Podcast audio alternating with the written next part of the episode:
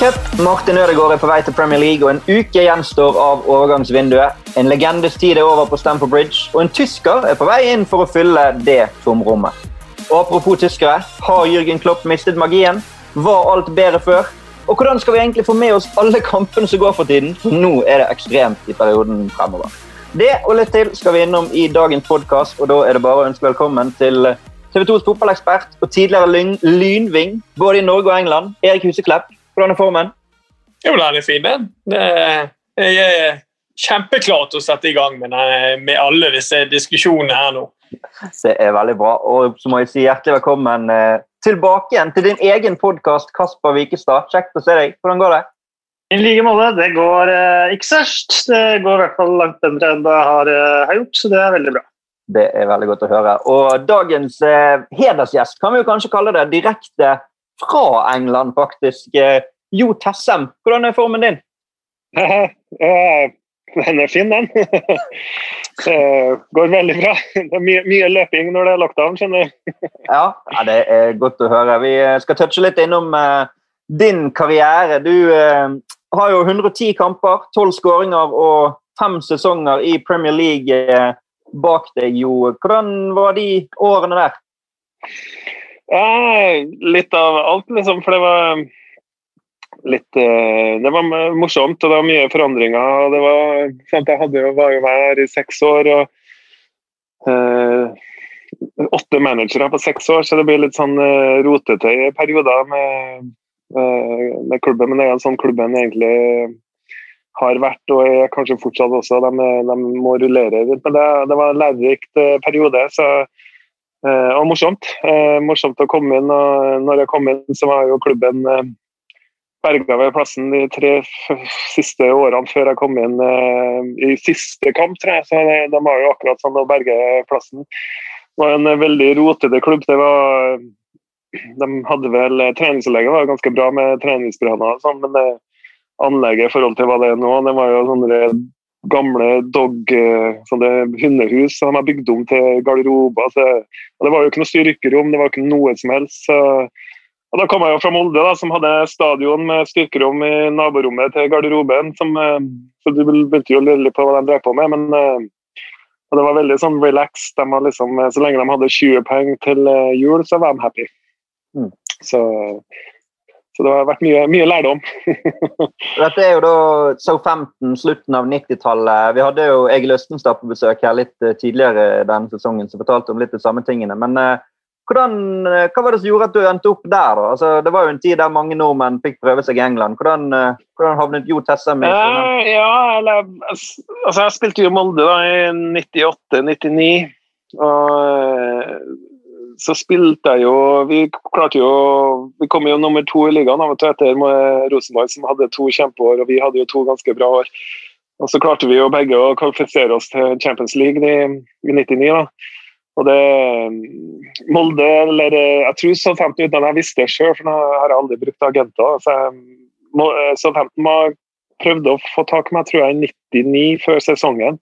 Altså på sommeren i 99, men da, da, hadde jo vi Champions League og jeg var litt keenere på å spille Champions League. Men da visste jeg ikke noe, så veldig mye om det. da, Men når det kom på slutten av sesongen ut i oktober og vi så jo det at vi ikke klarte å komme oss videre i gruppa, så, så fikk jeg liksom litt nuss om at det hadde vært noe med Southampton. Og så hadde jeg ett år igjen av kontrakten min du, med Molde, og jeg hadde også en klausul i kontrakten min som sa at vi skulle reforhandle etter to år. For jeg hadde liksom permisjon fra jobben min i politiet i Oslo. Og eh, Så kom Southampton inn, og jeg brukte litt den på å få en kontraktsforhandling i gang. Men Molde var veldig, var veldig treige. og det Eh, det tok litt tid, og det var litt vanskelig. og var, De var litt rotete i den forhandlinga. Så kom Southampton inn, og da sa jeg klart fra at hvis dere, dere orker å drive på med det her, så har jeg ikke noe valg. Da kjører jeg en annen linje. Og, mm. Og, da var det jo sånn at jeg kunne si opp kontrakten min skriftlig, så da gjorde jeg jo det. Ja. Og da kom Southampton inn på slutten. Eh, det skjedde jo uka Altså, vi spilte med siste Champions League-kampen mot Real Madrid. Så kom Molde, eller Southampton og så kampen i Molde. Og da eh, brukte jeg Morgan Andersen, da, som var i NISO, til å hjelpe meg litt da, med forhandlinger. Jeg pakka vel egentlig bilen og skulle på vinterferie når vi hadde røket ut, men da drev for og forhandla litt på natta og etter Champions League-kampen. og Da kom det liksom fram at uh, nå er vi på en måte enige, de vil gjerne at du kommer over. Uh, så vi fløy over på en fredag rett etter Champions League på en onsdag. Og endte med å komme over og skrive under og spille neste dag. Uh, uten å ha med meg fotballsko eller legebeskyttere eller noe som helst. Så uh, da gikk det fort. Da hadde jeg flytta. ja, det gikk jo veldig fort. Jeg, uh, jeg, jeg, husker, jeg, mener, jeg, mener, jeg husker det, og nå googlet jeg det også. Fikk den VG-saken der det står overskrevet 'Ginola stoppet av norsk politi'. Det var overskriften i VG. Jeg husker jeg faktisk jeg, kom jo inn da med, når jeg kom til treningsanlegget. De hadde jo stoppa hele treninga på fredagen, men vi tok jo første flyet. Altså vi, kom, vi var i Southampton i 11-tida, tror jeg. Da strev jo alle og venta på at jeg kom. Da. da kom jeg inn i lunsjrommet, da var det jo Jay, Dave Jones som var manager den tida. Han sto jo opp da tok meg hånda og sa 'Hi, I'm the manager. You're playing tomorrow'. Så satte han seg bare, og det var det jeg fikk. Så måtte jeg liksom bare si jeg har ikke skrevet ned en kontrakt ennå, så du, litt tidlig ute er jeg bare for å se på en kamp og bestemme liksom. Og Nei, han spurte om jeg kunne trene litt, da, men jeg fikk jo lånt litt sko og fikk vel eh, komme inn. Og, og, det var jo den tida når du kunne skrive før klokka tolv. Fredagen ja. Eh, klokka tolv før. Hvis du klarte å skrive ned da, så kunne du spille dagen etterpå. Og jeg hadde vel eh, fem minutters legesjekk. Eh, Trent 10-40 minutter, uh, legesjekk på fem minutter og skrev under i Sto der i boksershortsen og skrev under kontrakt med Morgan. Og uh, spilte høyreback dagen etterpå. Aldri spilt høyreback i hele mitt liv. Og da var det mot David Ginola? Og, og det var mot uh, David Ginola. Ginola ble tatt av da, etter 57 minutter, tror jeg. Ja, ja men det var gjort jobben. Da. Det ble det riktig. Da. Det, var den, ja. det var vel derfor den eh, overskrifta kom, tror jeg. Ja. Har jo, jeg har jo satt i gang med litt sånn quizer eh, nå for tiden på TV 2s plattformer. og jeg vet ikke om du husker det selv, men det var to andre nordmenn som hadde ganske sentrale roller i den kampen. der. Kan du, kan du huske hvem det kan ha vært? Ja, det var ganske mange det var jo Tottenham. altså Steffen Iversen og Eivind Lenaksen har skåret vel, tror jeg. Ja, det stemmer. Og, så det var, det var, morsomt det, å spille mot eh, både Eivind og, og Steffen. Og selvfølgelig Klaus spilte jo også. Så vi, Klaus ble utvist rett før slutt. Mm. Ja, han ble det. og Det var litt sånn det var i Southampton en gang. Det var mye slåssing og taklinger og litt lite spill av og til. Så det var litt sånn eh, Det var bare å springe. Det var ikke så mye taktikk. Nei, Du kunne jo skjønne litt mer av hvordan han Ali Dia kunne gå rett inn på laget når det var sånn at du også bare kunne signere ja, ja, Få beskjed om at du skulle starte før du, før du egentlig hadde skrevet. Ja, altså, I hvert fall når, eh, når de uh, sa til meg at de har fulgt meg over det siste året. Da. Og da tenkte jeg OK, nå fulgte meg siste året, men uh, jeg spiller høyreback. jeg spilte jo mange plasser i Molde, altså, jeg kan jo skjønne at de, jeg spilte jo midtstopper. og Holme på midten og indreløper, wing, spiss. Så hadde jo spilt alle plasser, men høyreback eller venstreback hadde jeg aldri spilt. Så, så, det var litt merkelig. Men du kom jo også inn i en garderobe med eh, Det er noe helt vanvittig navn eh, du kom inn i en garderobe sammen Du har eh, alt fra Matt Letizier til eh, Mark Hughes til andre sånne svære, svære navn. Hvordan eh, var det å komme inn Du hadde vært der i et kvarter før du skulle spille, og så sitter du i garderoben med de gutta der. Hvordan var det? Eh, jeg, var litt sånn eh, Hva skal jeg si? Jeg, jeg brydde meg ikke så mye om det, egentlig. Jeg var, jeg var, jeg var spent da, for at jeg skulle spille høyreback. Jeg, jeg, kom litt sånn litt uforberedt, men jeg tror noen ganger kanskje, kanskje det var det beste å være uforberedt. Jeg visste ikke helt hva jeg ga meg ut på når, når vi dro. Det var veldig impulsivt. Sant? Alle avgjørelser var tatt sånn. Det var litt lettere enn tida. Jeg, jeg bodde jo for meg sjøl, jeg var singel. Det var ikke så mye mange andre enn meg sjøl å bry meg om. Og, eh, så det gikk fort fra den siste Champions League-kampen til, til, der. Men jeg, eh, eh, sånne ting Jeg brydde meg egentlig ikke så mye om det. Altså. det var, jeg tror kanskje det hjalp meg veldig at jeg hadde spilt Champions League. Eh, og Siste kampen var jo mot Real Madrid, så de, de du prater om her, de ble liksom kanskje litt smågutter igjen i forhold til hva, det, hva jeg hadde vært med på. Så det hjalp. Jeg tror jeg har vært en helt annen inngang til det hvis jeg ikke har spilt Champions League. Hvilken drakt fikk du fra Real Madrid, forresten? For jeg vet at Freddy Dos Santos' kjæreste eiendel er drakta til Roberto Carlos. Ja. Eh, jeg har aldri vært keen på å bytte drakter. Hæ? Jeg bytta, jeg bytta en gang, og det var med Eirik Bakke. Vi brukte å bytte når jeg spilte mot Leeds. Men ikke, ellers så har jeg samla veldig lite drakter. Jeg har en uh, drakt fra Bayern München jeg fikk en gang, men jeg, jeg har ikke bytta. Jeg brydde meg ikke så mye om å bytte drakter. Jeg så ikke noe poeng i det. Nei. Selv ikke Real Madrid, liksom? Nei, men jeg hadde det morsomt med Real Madrid eh, når vi spilte Champions League. For det var, jeg og Roberto Carlos var tatt ut av dopingkontroll etter kampen. Bare jeg og han. Og vi hadde en lang, lang kveld på Molde stadion med et par øl i garderoben der og kosa oss. Og han snakka ikke så mye engelsk, og jeg snakka lite spansk det, og portugisisk, så det var, det, var, det, var morsom, det ble morsomt. Ja, Det ble bedre og bedre for hver øl, det, da? Vi forsto hverandre mer og mer så jeg utover kvelden. ja, det er veldig bra. Erik, hvordan husker du Jo Tessem som spiller? Du var jo en ung, lovende fotballspiller sjøl på den tiden. Fanget han oppmerksomheten din i Southampton? Eh, nei, men Jeg husker han som spiller, men jeg husker han, jeg kjenner meg veldig igjen at jeg ser ikke helt for meg han så mye på bekkene der han ble kastet inn. Det var jo mer en, en en mye mer offensiv type enn det, syns jeg han var. Sånn som jeg husker deg nå. For du arresterer meg hvis jeg tar feil, men jeg tror ikke eh, jeg, tror ikke jeg hadde plassert deg på høyreback fra første kamp, for å si det sånn. Nei, jeg var overraska sjøl også. um, du er jo blitt boende i England. Uh, hvor, ja. uh, engelsk kone, skjønner jeg, og da blir det vel sånn at de bestemmer, og sånn skal det være også. Men uh, hvor tett følger du Premier League og fotball der borte i dag? Toppfotball? Ja, jeg, prøver jo jeg føler jeg jobber litt av og til for og kanskje jeg kommer til å gjøre mer etter hvert. Nå har det vært litt vanskelig med lockdown for uh, noe som heter BBC Solent, som er på radio. Så jeg jobber litt med dem, og da må du følge med, og spesielt det som er med Southampton. Og, men selvfølgelig, jeg følger jo med engelsk fotball. Jeg, jeg syns det er kjempemoro med, med, å følge med. Det har vært litt, det har vært litt rart i år nå med at ikke er det tilskuere, og kampene er litt merkelige, men uh, selvfølgelig er jeg jo interessert i fotball. Jeg, og når du bor her i England, så er det jo, dreier jo alt, alt dreier seg om fotball. Spesielt på vinteren. Ja. Jeg skal innom litt av kampene fremover. Ja. Kasper, vær så god. Jeg, jeg må bare spørre, for at Dale Jones ble erstatta med Glenn Hoddle her etter hvert. Uh, mm. Som, som manageren din. Og de historiene om Glenn Hoddle de, de er jo ekstremt mange. Han gjorde jo Swindon til et eh, fantastisk spillende lag. Og så hadde han jo England, hvor det visstnok da var en spåkone som sa at han ikke skulle ta med Gassa i, i VM-troppen. VM eh, sånn går historien. Men hvordan var det å ha eh, Glenn Hoddle som sjef? Var han normal, eller var det mye eh, andre greier som, som, som styrte?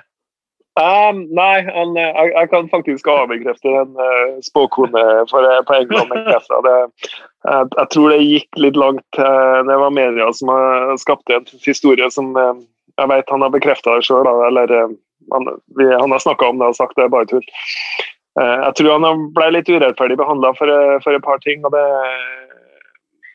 han var veldig åpen om det når han kom til Southampton, men jeg, som manager og uh, Han jo trylla jo hele Southampton om til et fantastisk fotballag. Altså, klubben gikk jo fra å være et bunnlag til plutselig å bli mer profesjonell. Vi trente bedre. Det var, det var helt latterlig når jeg kom. Det var jo nesten ikke treninga. Du skulle jo nesten ikke trene.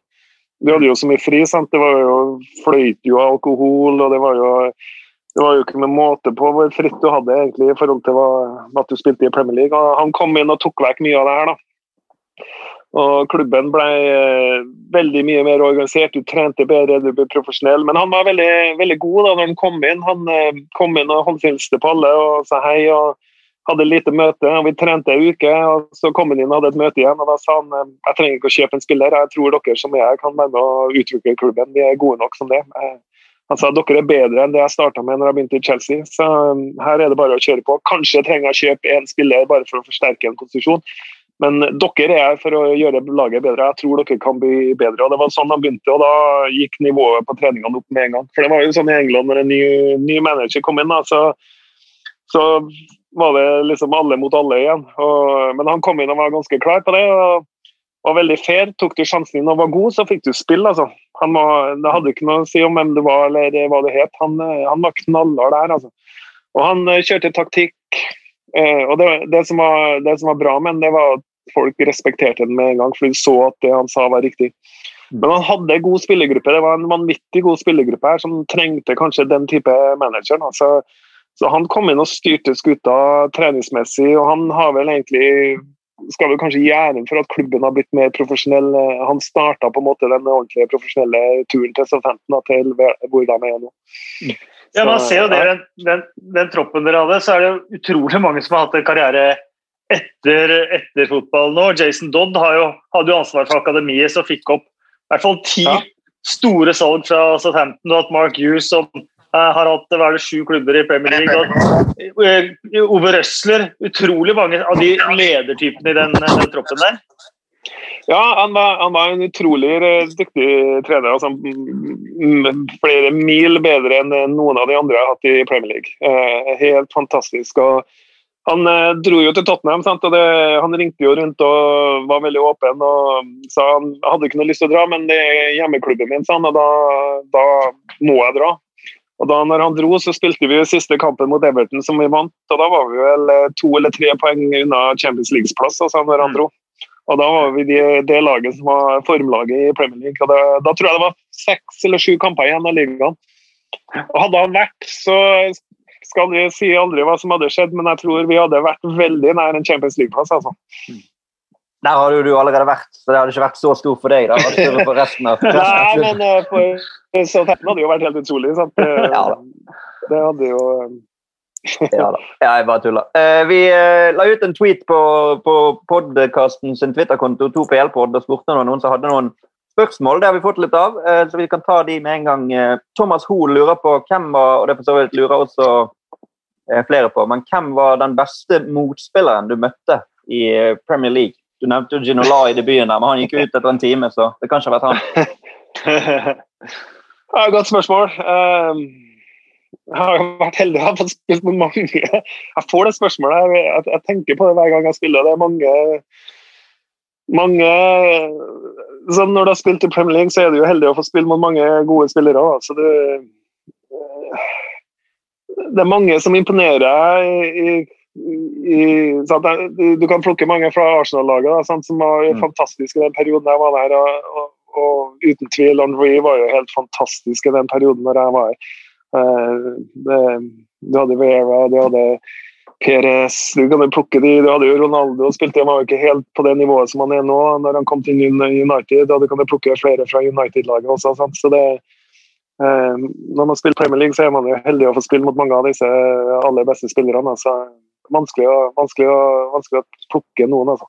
Ja, ja for Du hadde den FA Cup-finalen også. Der fikk jo du spille også et godt kvarter der på slutten, hvor Klaus Lunde kom sto på vannski bak Thierry Henry og egentlig skulle hatt rett kort før du hadde spilt fem minutter. Ja, han var, var litt heldig. Skal vel, eh, skal vel være glad for at Henry valgte å stå på beina istedenfor å Han kunne lett ha gått over ende. og da hadde vel kampen for Klaus vært ferdig. eh, Thomas Hoel lurer også på, som trønder, eh, hvorfor ble det aldri Rosenborg? Ja, godt spørsmål. Jeg, jeg, jeg veit ikke. Jeg, jeg slutta jo med fotball i en periode. Vet du, når jeg var yngre, så slutta jo Jeg gikk jo, begynte jo i militæret, da, så kom jeg jo gjennom en befalsutdannelse etter hvert, og da hadde jeg ikke tid til fotball. Så jeg slutta vel egentlig på fotball. Mm. Eh, så jeg hadde vel en toårsperiode hvor det tok litt mye tid med jobbinga og militæret. Og, og, så flytta jeg ned til Oslo da, for å begynne på Politihøgskolen, og da, da tenkte jeg ok, kanskje jeg skal begynne å spille litt fotball igjen. Så jeg ringte jo Lyn og både Lyn og Vålerenga. Så det, det, hadde vel kanskje litt med at jeg bodde hvor jeg bodde, og kombinerte to ting samtidig. Da, Istedenfor å men jeg har snakka med når Åge Hareide var i Rosenborg, når han kom tilbake på slutten, eller når jeg var i, i Southampton, så vi hadde litt samtaler, men men men har aldri vært aktuelt på noen sånn spesielle nivåer. Det, det har det ikke. Og så spør han også Thomas Hoel, som var ivrig her. Spiller du fortsatt i height and dibden, og hvilket nivå er dette?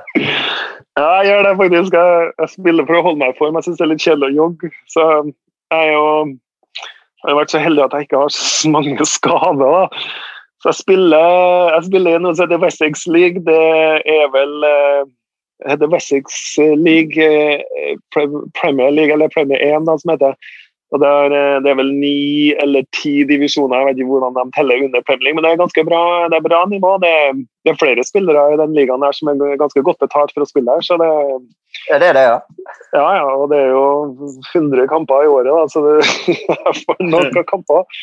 Men det er morsomt, det holder meg i form. Man trener jo nesten aldri, man spiller jo bare kamper. Ja, ja men det, det, er jo imponerende. Det begynner å bli noen år siden du var var på toppnivå. da, Champions League og Premier League, det er jo du er 48 år. altså nå, det, Ja, ja si. jeg, jeg, jeg, begynner å bli en gammel mann, men jeg, eh, så lenge man kan holde i gang og kroppen tåler og det, det gjør, gjør, jeg jo. Er fortsatt sånn at jeg blir småirritert når jeg spiller. så det, det... Får dere spille nå? Får du spille noe fotball? Nei, nå har det jo dessverre den eh, siste året vært helt håpløst med lockdown. Det, og det er jo spesielt uh, Eh, alle lavere divisjoner utenom de profesjonelle ligaene som ikke får spilt. Og, og, barnefotball og idrett generelt har jo tapt veldig på den lockdownen i England. Det er jo helt stengt. Så, mm. så, nå har det ikke vært Vi spilte noen kamper før, før, jul, og så hadde vi en lockdown rett i desember. Og siden etter jul så har det jo vært helt stengt. Så det spørsmålet om det blir noe mer fotball i år. Nå ble jo Sesongen i fjor ble jo også avlyst etter hvert. Ja. Men du er klar for 21-22-sesongen? vi får se. Jeg er enig med trener, i hvert fall. Så, ja. så, vi får se. det er bra. Eh, et par andre som også lurer på litt, litt andre ting enn det som var på Premier League-eventyret med Southampton. Bendik Wollmann spør hvordan opplevde Jo det var å spille på The Den framfor Millwall-fansen? Det er jo en supporterskade. Ja, ja, jeg hadde, på slutten så hadde jeg jo en periode når jeg ikke visste helt hva som skjedde her i klubben. Jeg dro jo på lån av til Millwall.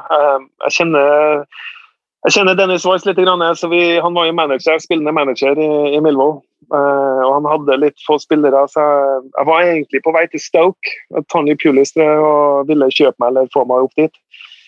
Og, men jeg ville helst på lån, eller jeg ville ikke helst på lån, jeg ville helst bli, bli solgt. Eller, og jeg hadde litt lyn inne i bildet jeg, på den tida der. og da Jeg visste at jeg måtte dra på, på, på lån for å få spilt litt mer kamper. Så passa jeg godt inn med, med Dennis i i Millwall, som hadde veldig mange skader på de offensive spillerne sine. Så jeg, jeg snakka litt med han. og så Jeg dumpa vel eh, Johnny Pullis eh, litt sånn på døra når jeg var på vei oppover. og Han var ikke helt happy på meg for den, for å si det sånn. Så jeg dro og spilte litt med Dennis. Det passa bedre inn. for jeg, var ikke så keen på lån. Når du går på lån, så er det vanskelig. Og, da sa jeg til Dennis at vi gjør en avtale at jeg spiller helt til du får tilbake spillerne dine. og da da er det nok. Da drar jeg når du, når du har tilbake de aller fleste spillerne. Det, det syns han var helt greit også. Så. Mm. Det var, nei, nei, det var en spesiell plass å spille. Det, um, ja, mange spillere om til klubben som eh, fikk fansen mot seg i første runde. og uh, Det var flere, ikke flere, det var spesielt én spiller uten at jeg skal nevne Han uh, ville helst ikke spille hjemmekamper, fordi han var han ble han ble Fansen tok en helt ut av eh, kampen. De mobba han rett og slett ut altså på hjemmebane. Hjemmefansen mobba han ut. altså. Så han ville ikke spille hjemmekamper. Nei, det, det er drøy kost, så, men uh, det bekrefter det var litt sånn, men uh, det var ikke noe ja, det, det, var noen episoder, det var, og det var også en del av spillerne som var veldig aggressive. som som eh, bidro litt. Men ellers var det ikke noe store problemer. De var bare en engasjert gjeng og glad i klubben sin. Men uh, klart de, det var en, en, klubb som hadde mye å rydde opp i når det gjaldt Millwall-fansen. Det, det, var ikke klart. Men jeg, jeg, hadde ikke noe problem med det å spille der. jeg hadde, hadde noen morsomme kamper der, så det var, det var helt greit. Mm. Jeg var jo på gamle den i sin tid, før den ble revet, og så Milvold mot Portsmouth. Og så har jeg vært på Nyde den et par ganger. Og Det er ingen tvil om at forholdene med uh, hjemmekamper har, det, har blitt langt Selv om det fortsatt er ruskete, så er det veldig veldig mye bedre på Nyde den enn hvordan det var i, i, gamle dager, da det var ståtribuner på tre av fire sider. Ja, men da var det vel, var vel alt mye verre før, og det var vel Portsmouth har vel ikke vært så veldig ryddig der heller, har jeg skjønt. Eh, Siste spørsmålet fra Twitter i denne omgang. Eh, Kevin Madsen eh, spør om man kan få høre litt om Jo sitt opphold i Bournemouth våren 2008. Klubben rykket ned og var i ferd med nytt nedrykk året etter. Hvordan var ståa generelt i klubben? Hadde man tro på at motgangen kunne snu? Og da må jo det spesifiseres at Dette er jo snakk om et nedrykk fra League One, altså fra tredje til fjerde nivå. Det er ikke, det, ikke den klubben man ser i dag i, i det hele tatt. Nei, det, det, var litt spesielt. Eh, da kom jeg jo Da var jo eh, Da kom jeg jo etter Lyn, da, når jeg eh, Lyn og, fikk liksom ikke skrevet en lengre kontrakt. Klubben var litt håpløs med Og det handler vel litt med Torgeir og Henning kanskje, som ikke hadde hvilke planer de hadde. Så jeg tok på en måte en avgjørelse på meg sjøl at da flytter vi tilbake til England. Og så begynte jeg Igjen eh, som fotball er, da, du kjenner hvem du kjenner i fotball. Jeg kjenner jo, Da var jo Kevin Bond som var manager, og han kjenner jeg også. Mm. så da jeg kom over fra etter Lyn og siste seriekampen Lyn, så eh, ringte jeg Kevin og spurte om jeg kunne komme og trene litt med dem, eh, bare for å holde meg for. For da visste jeg ikke helt om jeg skulle spille mer, eller hva jeg skulle. Og var med og trena litt med Bournemouth, men da var Bournemouth helt skrapa økonomisk. og Det var jo grunnene for at de hadde rykka ned og var på ferd med å rykke ned en divisjon til. Og så gikk det litt tid, og så spurte meg om jeg ville spille. da. Og, men jeg var veldig usikker, fordi når du begynner da var jeg på ganske bra nivå når jeg kom fra Lyn. Altså. Da, når du skal begynne å spille i divisjonene der, så og League One er en veldig vanskelig divisjon å spille i, og det, det, det, ble en erfaring. Men jeg, eh, jeg passa liksom ikke inn. Men jeg, hadde, jeg fikk et problem. Jeg, jeg, tok, jeg fikk en skiveprolaps i ryggen. Av eh, en eller annen grunn så fikk jeg en skiveprolaps, og det hindra vel det som skjedde i Bournemouth. Så jeg på en måte satte meg veldig ut av spill. Så jeg fikk jo ikke helt den erfaringa, og kanskje ikke bidratt med så mye som jeg hadde håpet. Men, Men, ja, jeg har masse spørsmål fra, den, eh, fra deg. For det laget der, for det første så gjorde dere det jo ganske bra, men det var, ble trukket masse poeng, så det var derfor det ble, ble nedrykk. Ja, de hadde vel eh, Jeg husker ikke hvor mange var det Det var over ti poeng de hadde trukket, tror jeg. Ti poeng trukket, så dere hadde vært ja. nesten på midten av tabellen hvis ikke det hadde vært for det. Men Kevin Bond han har jeg truffet et par ganger og, og hørt fra Klaus også. Han virker som fotballens mest trivelige og sympatiske mann. Stemmer det? Ja, han, eh, han eh, har jobba veldig med eh, Harry Redknapp, som er, de og mhm. Joe Jordan, som er, de har jo hengt i lag en god stund. og Det er jo veldig fine fyrer. Sånn god, gammeldags fotball, engelsk fotballmanager, for å si det sånn. Og det, De har mye fotball, og Kevin Bond har mye fotball i seg. Og, og, og, men de er fra den gode, gamle garden da, som, som som hadde litt spesielle, litt forenkla ting å gjøre ting på. Mm. Var veldig, det var mer en sånn eh, pisk og ros-teknikk istedenfor å være litt sånn taktisk smarte med, med, med ting. Men de, det var fotballfolk. Der. Kevin har veldig mye fotball i seg. så eh, kanskje, han, eh, kanskje, han, gikk på Bournemouth-oppgaven med litt sånn eh, blanding. Det var, det var mer, de løste mer problemer med å kjøpe spillere enn å utvikle kanskje de de hadde. Ja, for det var jo spillere som eh av, av de som har kommentert i mesterskap, f.eks., så har du jo Sam Vokes, og så har du Darren Anderton der, du har Asmir Begovic, og så har du til og med en ung eh, Adam Lalana kom jo opp der og, og fikk noen kamper. Ja, men han, ja, han gjorde jo det. Og, men eh, Lalana han var jo her i S15. Han var jo, han var jo her når jeg var her på Academy.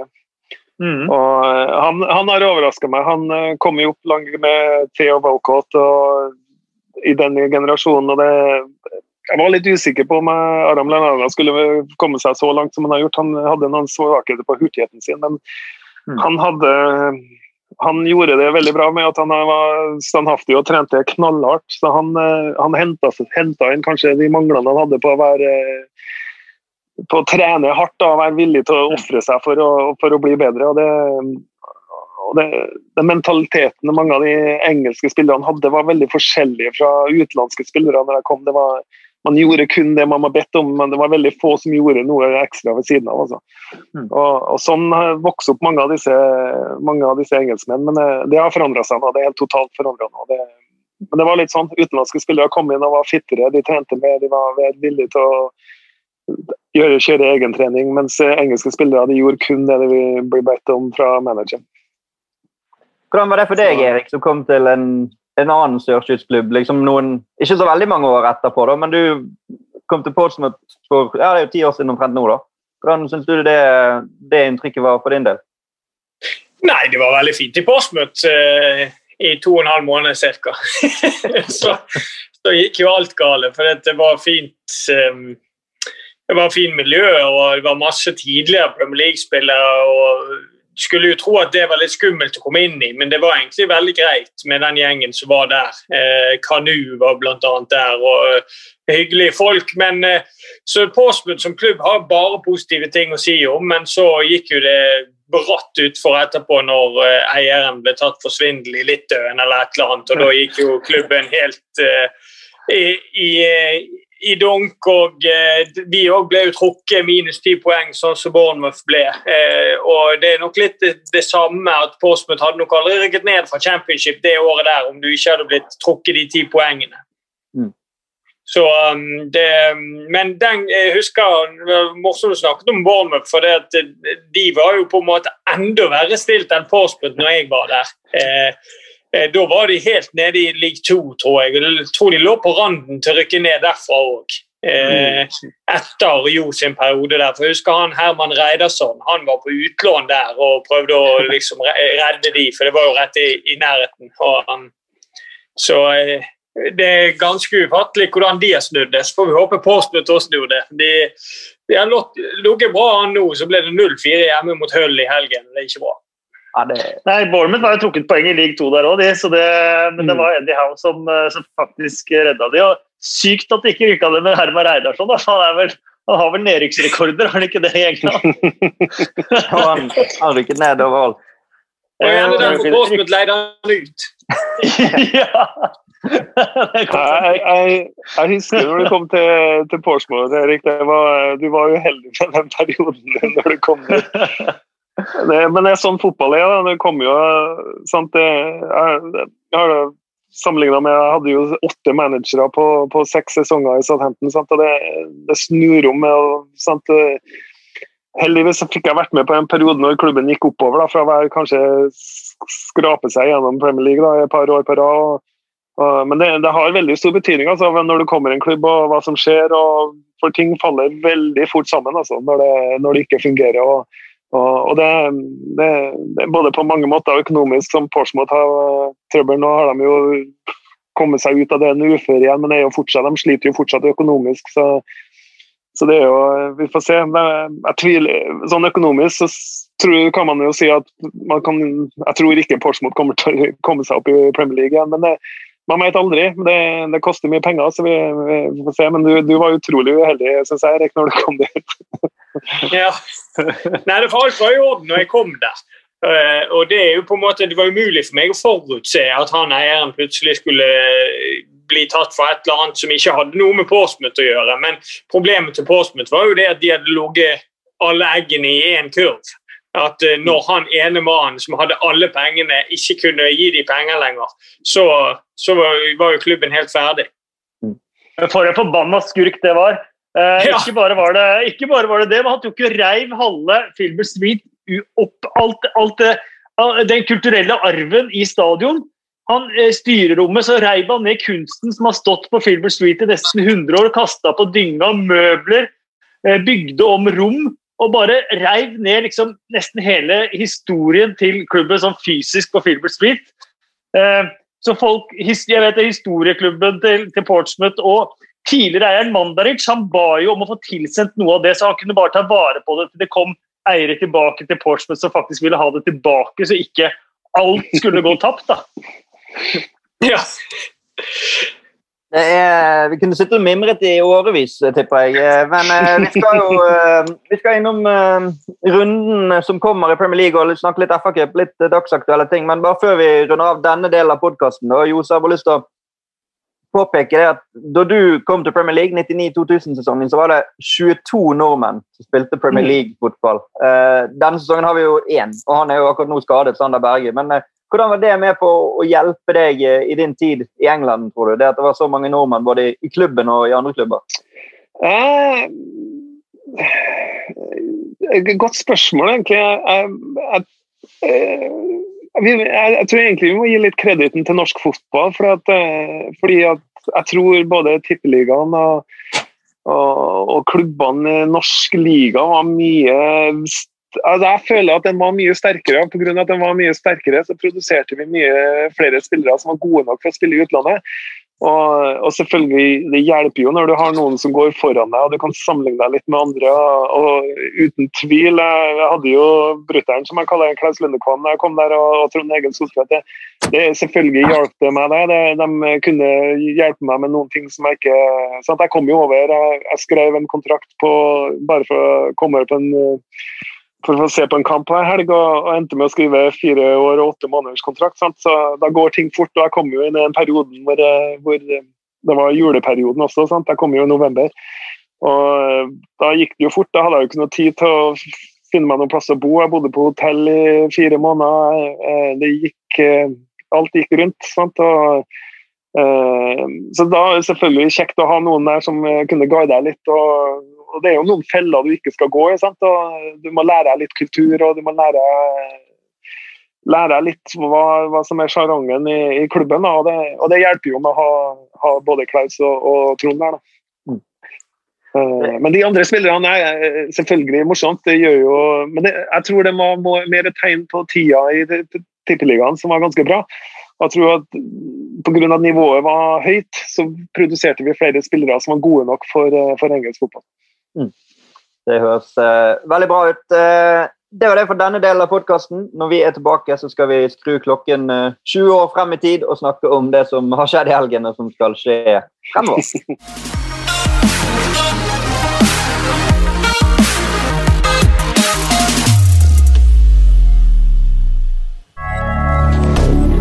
moderne media.